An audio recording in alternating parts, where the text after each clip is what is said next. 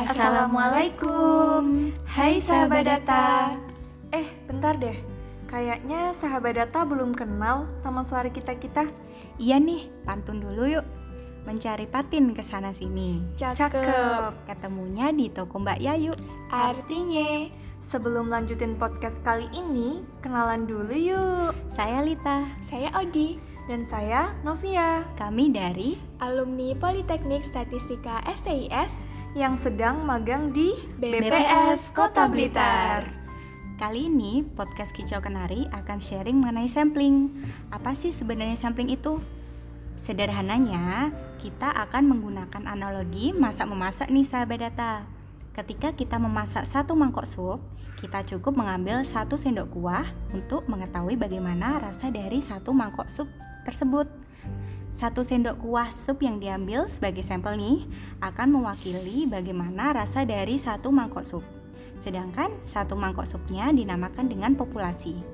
Mengambil sampel dari suatu populasi inilah yang disebut dengan sampling. Lalu, apakah sampling ini juga dilakukan oleh BPS dalam mengumpulkan data? Yaps, benar sekali. Metode pengumpulan data yang digunakan oleh BPS salah satunya adalah survei. Di antara sahabat data, ada nggak nih yang pernah jadi responden survei? Dan mungkin di antara kalian ada yang penasaran kan? Kok bisa ya aku diwawancara sementara temanku enggak? Jadi, penentuan apakah sahabat data menjadi responden atau tidak itu dilakukan melalui sampling atau pengambilan sampel. Contoh lagi nih, untuk mengetahui tingkat pengangguran di Kota Blitar, BPS tidak perlu melakukan wawancara pada seluruh masyarakat, apakah dia itu bekerja atau tidak. Cukup masyarakat yang terpilih aja menjadi responden pada survei Angkatan Kerja Nasional atau Sakernas. Ingat ya, survei itu beda dengan sensus loh teman-teman. Kamu inget nggak, Ot?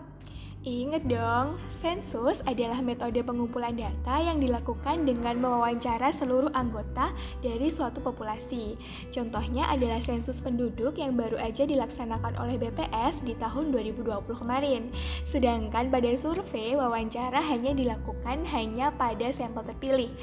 By the way, untuk survei, selain Sakernas yang dicontohkan oleh Lita tadi, ada contoh lainnya loh, seperti Survei Sosial Ekonomi Nasional atau Susenas, Survei Demografi dan Kesehatan Indonesia atau SDKI, dan masih banyak lagi. Metode survei banyak digunakan karena lebih menghemat waktu, tenaga, dan juga biaya dengan jumlah responden yang lebih sedikit dibandingkan dengan sensus. Oke, balik lagi ke sampling ya, sahabat data. Dalam pengambilan sampel itu ada dua. Pertama, probability sampling, dan yang kedua, non-probability sampling. Waduh, apaan tuh?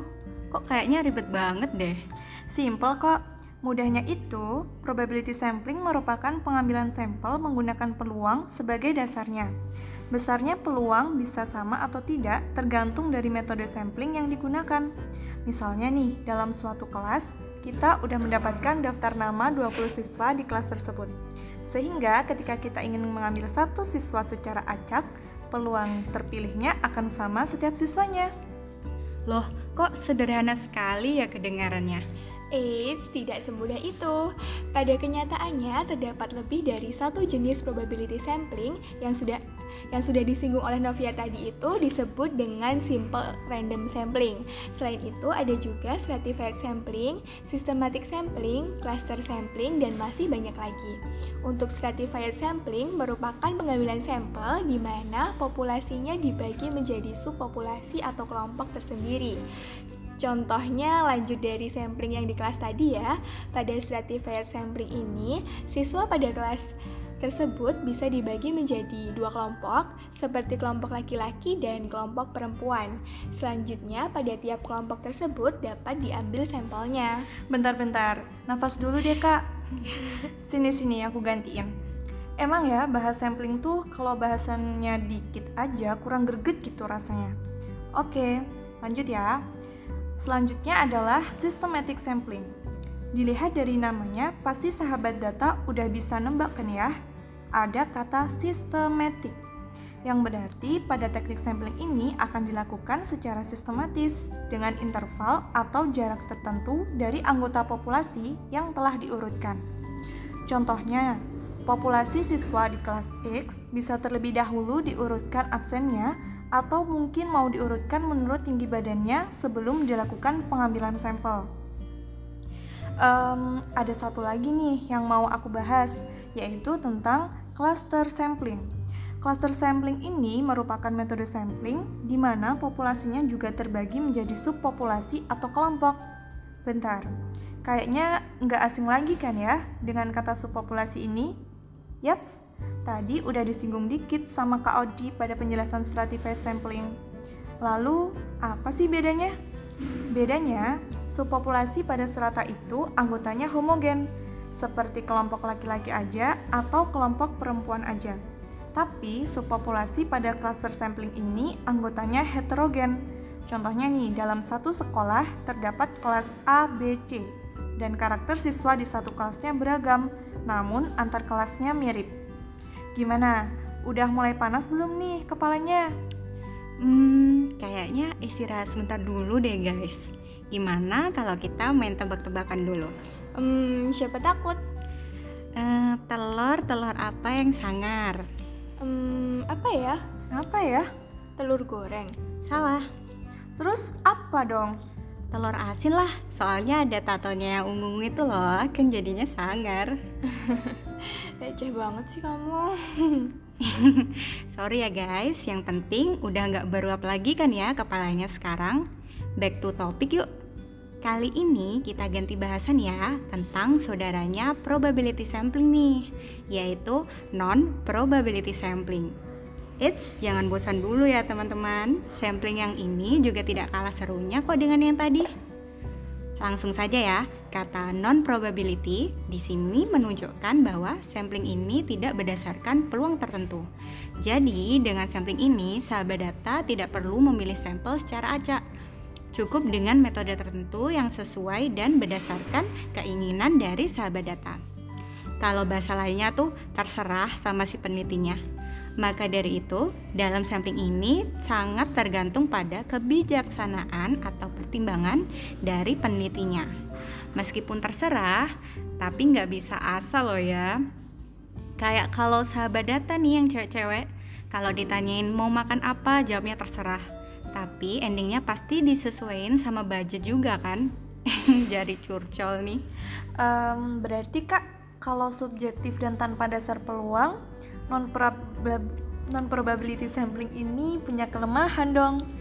Benar sekali, jika menggunakan non-probability sampling, sahabat data tidak bisa mengeneralisasi populasinya berdasarkan hasil samplingnya ya. Maksudnya, sampel yang didapatkan belum tentu mewakili populasi penelitian. Selain itu, dengan teknik ini kita itu juga tidak bisa mengukur teknik tingkat ketelitian dari data yang kita dapat. Jadi, kalau survei BPS seperti Sakernas, Susenas, SDKI itu tidak bisa menggunakan non probability sampling ya, sahabat data harus pakai yang probability sampling. Ingat ya pesan Bunda. Siap Bunda. Nah, metode apa aja sih di non probability sampling ini? Metodenya ada purposive sampling, snowball sampling, dan masih banyak lagi. Ya namanya juga saudaraan sama si probability sampling, sama-sama banyak banget metodenya. Tapi karena tak kenal maka tak sayang, enaknya kakak kenalin ya dua metode non-probability sampling dulu yuk. Yang pertama, purposive sampling.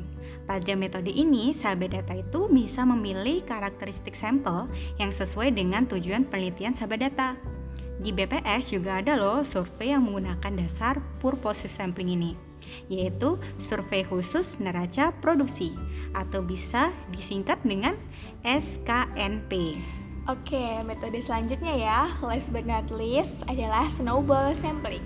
Dalam metode ini, sahabat data dapat dapat menentukan responden pertama yang sahabat data tahu, kemudian untuk responden selanjutnya diperoleh berdasarkan informasi dari responden yang pertama tadi dan terus bergilir ke responden selanjutnya hingga jumlah sampel yang diinginkan itu terpenuhi. Contohnya nih, ketika sahabat data berada di tempat yang baru dan ingin mengambil sampel peternak ayam di daerah tersebut, karena kurangnya informasi, sahabat data tinggal mendatangi responden peternak ayam yang telah diketahui dan mendapatkan responden peternak ayam selanjutnya dari dari informasi yang diberikan oleh peternak ayam sebelumnya tadi. Nah, udah lumayan ngerti kan sampai sini? Wah, seru sekali ya bahasan kita kali ini. Meskipun masih banyak yang belum bisa tersampaikan, kami harap sharing sampling ini dapat menambah wawasan sahabat data mengenai apa itu sampling ya. Terima kasih kepada semua sahabat data yang telah meluangkan waktu untuk mendengarkan podcast Kicau Kenari episode kali ini. Bentar guys, kalau awal tadi dibuka dengan pantun, penutupnya juga harus pantun dong. Karena awan sudah berwarna putih. Sekian dan terima kasih. Wassalamualaikum. Sampai jumpa di podcast Kicau Kenari episode selanjutnya ya teman-teman. Dadah.